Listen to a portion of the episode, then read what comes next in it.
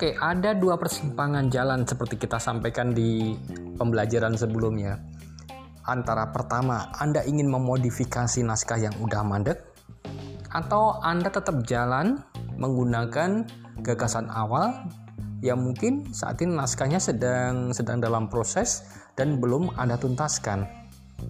Kita akan bahas mengenai pilihan kedua ini, yaitu menuntaskan atau melanjutkan naskah yang sudah terlanjur mandek sekian lama. Halo, saya Anang JB dari penulisbuku.com.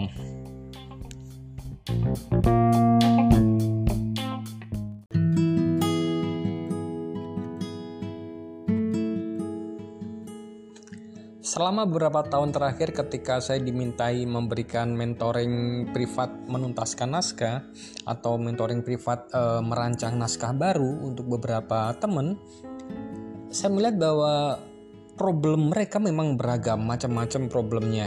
Tapi kalau bisa ditarik benang merahnya, sebetulnya problem mereka adalah di dalam sistematika urutan tahap-tahap atau step by step di dalam menulis. Nah, ketika mereka dipandu dalam dalam satu bulan program mentoring private itu, mereka saya ajarin untuk melakukan proses penulisan itu secara sistematis gitu ya biar tidak bolak-balik gitu. Karena ketika mereka bolak-balik antara menyunting kemudian merevisi bikin draft lagi itu naskah hampir pasti tidak akan bisa selesai. Kalaupun selesai biasanya juga tidak tidak tidak selesai dalam arti sebenarnya karena masih masih berupa sebuah draft gitu nah untuk itu teman-teman perlu melihat juga ketika ketika sudah sudah bersepakat untuk melanjutkan naskah yang yang sekarang mandek dan pengen pengen dilanjutkan lagi, coba cek ulang apakah naskah itu sudah sampai pada tahap yang mana. Nah, itu harus harus dipastikan dulu. Gitu. Sudah tahu tahap-tahap proses menulis? Tahapan menulis itu ada enam. Ini saya pelajari dan saya dapat ilmunya dari uh, guru saya Pak Bambang Trim ya. Ada ada enam enam langkah yang yang memang ideal untuk Anda Anda lalui tahap demi tahap sampai kemudian naskah itu bisa meluncur dan masuk ke toko buku ya. Tahap pertama adalah pre-writing atau pra penulisan gitu. Di sini Anda sudah membuat sampai dengan tahap riset, Anda membuat outline-nya juga dan mungkin Anda sebelumnya sudah membuat juga sinopsis atau ringkasan gagasannya ya. Itu pre-writing tahap pertama. Tahap kedua adalah drafting atau anda mulai menulis draftnya. Jadi dari uh, outline outline mungkin ada beberapa bab ya ada 20 bab misalnya. Kalau itu buku non fiksi Anda bisa menulis dari dari mana pun tidak harus dari dari bab satu gitu. Kalau memang Anda sudah membuat outline yang lengkap gitu nah proses itu disebut drafting ya Anda membuat draft dan kemudian Anda coba lengkapi dari bab awal sampai bab terakhir Tahap kedua ada uh, tahap ketiga adalah writing atau proses menulisnya. Gitu. Jadi setelah Anda buat draftnya, kemudian Anda baca ulang, kemudian Anda coba uh, mungkin ada bagian-bagian yang harus Anda Anda Anda cek ulang, kemudian Anda tulis gitu ya. Nah, Anda mulai melengkapi semuanya. Dari yang semula mungkin leadnya keliru, Anda bisa rubah menjadi lebih bagus lagi gitu ya. Itu proses writingnya, menulis dengan lebih lengkap. Kemudian tahap keempat adalah revisi. Ya, bisa jadi Anda berpikir bahwa oh, bab ini harusnya letaknya di depan. Ini biasa saya lakukan ketika saya menulis biografi gitu ya.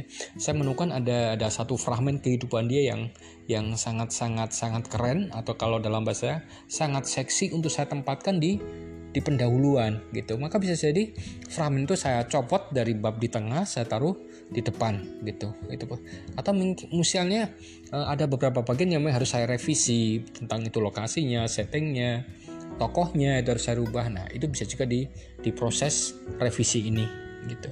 Nah, kalau revisi ini sudah Anda lampaui, Anda sudah membuat sebuah tulisan yang urut, runtut gitu, dan Anda sudah yakin bagus, Anda bisa masuk ke tahap tahap kelima, yang disebut dengan proses editing atau proses penyuntingan ya Anda bisa mulai menyunting Anda melihat uh, keterkaitan antara satu paragraf dengan paragraf berikutnya.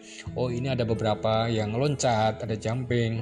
Anda bisa tambahkan eh, kalimat-kalimat uh, peluncurnya, berikan jembatan-jembatan kalimatnya atau Anda bisa tambahkan frase di awal awal paragraf sehingga tulisan itu menjadi lebih bagus lagi.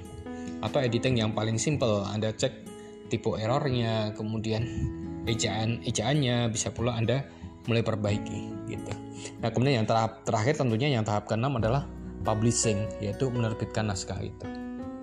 Nah, coba Anda cek naskah Anda yang Anda bilang belum tuntas itu sekarang ada di tahap yang mana gitu. Oke, Anda coba cek dulu ya.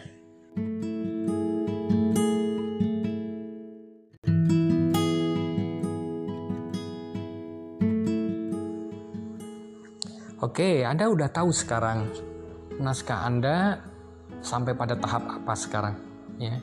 Kenapa saya tanyakan ini? Sebab hal pertama yang harus Anda lakukan sekarang dan tidak boleh Anda bantah adalah Anda harus membuat deadline.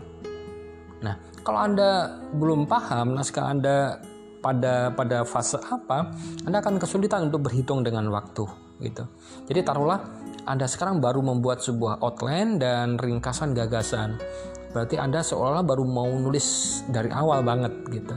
Maka Anda bisa berhitung deadline-nya mungkin dua bulan atau mungkin tiga bulan disesuaikan dengan kesibukan Anda, ya. Atau mungkin saat sekarang Anda sudah menulis draftnya itu udah selesai gitu, udah udah semuanya udah udah Anda Anda kumpulkan bahan-bahannya dalam bentuk tulisan-tulisan ngedraft gitu maka mungkin hanya perlu waktu satu bulan dari dari sekarang jika anda ikut kuliah online ini gitu. Atau bahkan mungkin saat sekarang anda hanya tinggal me melakukan penyuntingan. Maka ya insya Allah dua, dua minggu lagi naskah anda sudah bisa anda pamerkan kepada saya gitu. Jadi sekarang anda tuliskan anda mau bikin deadline kapan tanggal berapa? Wajib menuliskan tanggalnya ya Anda tuliskan itu. Oke? Okay? taruhlah Anda baru sampai pada tahap membuat ringkasan atau sinopsis dan outline gitu. Maka jangan mengulangi kesalahan-kesalahan yang mungkin dibuat oleh penulis-penulis lain. Mereka bikin outline tapi tidak ditaati. Atau bikin outline tapi outline-nya tidak lengkap gitu sehingga ketika ketika nulis bisa jadi satu bab itu bisa panjang banget sampai dengan 30 halaman. Tapi bab 2 tahu-tahu kehabisan bahannya mau nulis apa gitu. Mungkin hanya lima halaman kemudian udah habis gitu. Maka buatlah outline yang cukup rinci. Cukup rinci itu apa? Anda bisa memasukkan bab apa subbabnya apa eh, kemudian bila perlu ada sub subbabnya juga atau mungkin Anda bisa juga tambahkan kira-kira ada ilustrasi kisah apa di dalam setiap pembahasan itu gitu demikian pula ketika Anda membuat novel ya saya nggak tahu apakah apakah Anda satu pemahaman dengan saya bahwa bikin novel pun harus ada outline gitu ya. Tapi kalau Anda sepaham maka idealnya uh, tiap bab dalam novel itu juga jelas gitu konfliknya apa, tokohnya siapa, settingnya di mana, gitu bila perlu kemudian ya Anda bisa masukkan juga apakah itu malam hari siang hari bisa Anda masukkan juga gitu. Outline yang yang yang detail adalah outline yang bisa membantu Anda ketika Anda sangat-sangat sibuk gitu. Jadi ketika Anda membuat outline satu satu buku ada 20 bab misalnya kalau buku non fiksi Anda bisa mulai dari mana aja nggak harus urut dari dari atas gitu. Itu dengan asumsi bahwa Anda membuat outline yang yang sudah rinci gitu ya.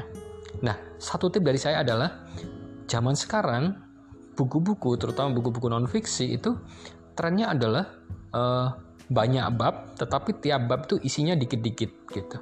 Beda dengan zaman dulu ya, buku setebal 200 halaman mungkin hanya 10 bab di mana satu bab mungkin bisa berisi 20 sampai 30 halaman. Sekarang enggak. Cobalah membuat sebuah buku yang lebih ringkas lagi seperti kebutuhan orang-orang milenial ya di mana mereka kalau baca artikel di internet sekali duduk sudah selesai gitu. Maka demikian pula dengan bab-bab yang Anda tulis dalam buku non fiksi, buatlah uh, yang pendek-pendek. Sekali duduk sudah habis dibaca satu bab ya. Mungkin maksimal 10 10 halaman gitu. Kurang dari itu lebih baik lagi asal memang punya kedalaman gitu. Itu ketika Anda baru sampai pada fase membuat sebuah outline. Nah kalau fase Anda adalah sudah sampai ke tahap drafting, Anda pengen misalnya Anda selama ini sudah menulis banyak banget tulisan-tulisan pendek di Facebook, kemudian pengen Anda anda jadikan sebuah buku gitu ya. Mungkin selama ini Anda beri beri hashtag tertentu, Anda tinggal panggil hashtag itu muncul semuanya. Nah, drafting adalah proses bagaimana Anda Anda memungut sekian banyak konten yang pernah Anda tulis di medsos menjadi sebuah naskah yang menyatu gitu. Anda kumpulkan semuanya gitu, Anda kumpulkan semuanya. Anda bisa mulai urutkan, urutkan sesuai dengan klaster uh, topik yang yang yang serupa gitu. Nah, itu sudah masuk di proses drafting gitu ya. Anda belum mulai menulis, Anda baru mulai mengumpulkan bahan-bahan Anda juga. Tapi kalau itu idenya ide baru, Anda bisa mulai menulis uh, secara kasar dengan free writing dulu gitu. Nah, kalau ini udah Anda lampaui, Anda bisa masuk ke tahap berikutnya. Atau mungkin Anda memang sudah ada di tahap berikutnya, tahap writing. Anda sudah mulai menulis secara runtut semuanya, semua bab sudah terisi, sudah lengkap gitu. Tinggal kemudian kalau itu sudah oke, okay, Anda sudah lengkap, Anda tinggal masuk ke tahap berikutnya, revisi. Gitu. Nah, revisi adalah tahap yang yang sangat krusial. Kalau saya sendiri sering kali naskah itu ketika saya tulis saya merasa itu udah benar gitu.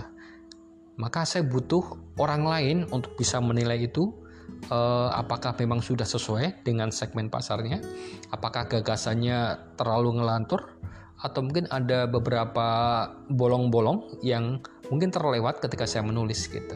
Saya bisa biasa melibatkan orang-orang di di sekitar saya gitu. Paling sering adalah istri saya, anak saya untuk baca naskah itu. Seringkali lolos, lolos uji mereka, artinya naskah tinggal dilanjutkan, tapi sering kali juga langsung dirombak total. Karena ada bagian-bagian yang yang yang di mana itu tidak sesuai dengan segmennya gitu. Ya ya kalau memang harus dirombak dan menurut penilaian mereka nggak bisa pakai yang yang sudah saya tulis ya. Saya harus harus harus lega hati untuk untuk mau melakukan revisi. Revisi itu semacam merombak naskah gitu ya. Gitu. Tapi sering kali juga merevisi itu adalah mendapat masukan penting di mana mungkin ada bagian-bagian di mana itu harus saya tuker posisi-posisinya gitu ya. Misalnya sebuah biografi seperti saya bilang di di depan ada bagian yang yang titik balik yang penting banget dan ini menjadi pembuka yang sangat seksi untuk sebuah buku maka itu harus saya pindahkan ke ke bagian pendahuluan gitu ada juga bagian-bagian yang mungkin terlalu panjang sehingga dari dari satu bab panjang itu harus saya penggal menjadi dua bab yang terpisah gitu atau sebaliknya ada bab-bab yang terlalu ngelantur sehingga harus saya modifikasi, saya potong dari dua bab menjadi satu bab aja. Nah, proses-proses itu masuk di dalam proses revisi gitu. Nah, kalau Anda sudah selesai menulis, coba relakan naskah Anda untuk dibaca orang lain. Ya, biarkan dia menilai apakah naskah Anda memang enak dibaca, alurnya runtut, atau orang lain justru mengerutkan kening setelah pembacaan tulisan Anda gitu. Seringkali penulis uh, karena biasanya seniman itu kan egonya gede gitu ya. Nggak nggak suka tulisannya di di di komentari apalagi yang yang komentari adalah orang yang bukan penulis gitu ya. Gitu kan. Nah, Anda memang harus rendah hati dalam dalam tahap ini. Anda harus merelakan tulisan Anda dibaca karena pada waktunya nanti tulisan Anda akan dibaca oleh umum gitu bukan oleh sesama penulis, bukan juga oleh guru Anda gitu. Jadi biarkan orang lain, orang awam untuk menilai naskah Anda dan bersiaplah untuk melakukan revisi gitu. Oke. Nah, kalau tahap itu sudah sudah Anda lalui, Anda tinggal masuk ke tahap editing atau penyuntingan gitu. Anda punya kemampuan editing? Oke, lakukan self editing. Tapi kalau Anda tidak yakin banget atau Anda bukan orang yang yang telaten untuk itu ya udah berikan pada editor gitu ada banyak banget pemberi jasa editor yang murah meriah yang agak-agak mahal dikit atau juga ada yang uh, agak-agak mahal banget gitu. Saya sendiri ada jasa itu jasa tiga level. Nah teman-teman bisa mencari juga di di luaran. Ya ada level editing ringan ada level editing uh, menengah ada juga level editing berat gitu.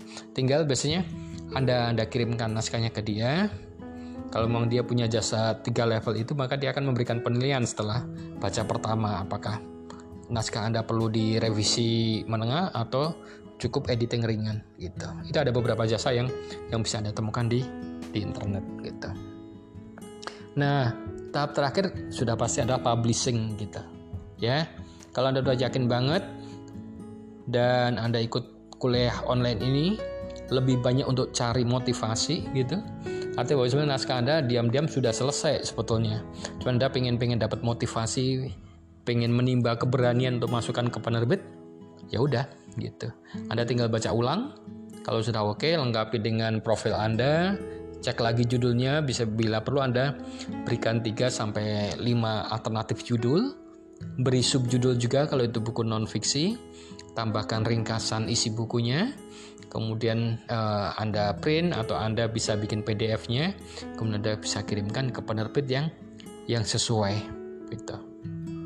Itu lebih kurang bagaimana Anda melanjutkan sebuah naskah yang memang sudah Anda gagas sejak lama gitu. Jadi ada enam tahap, saya ulang lagi.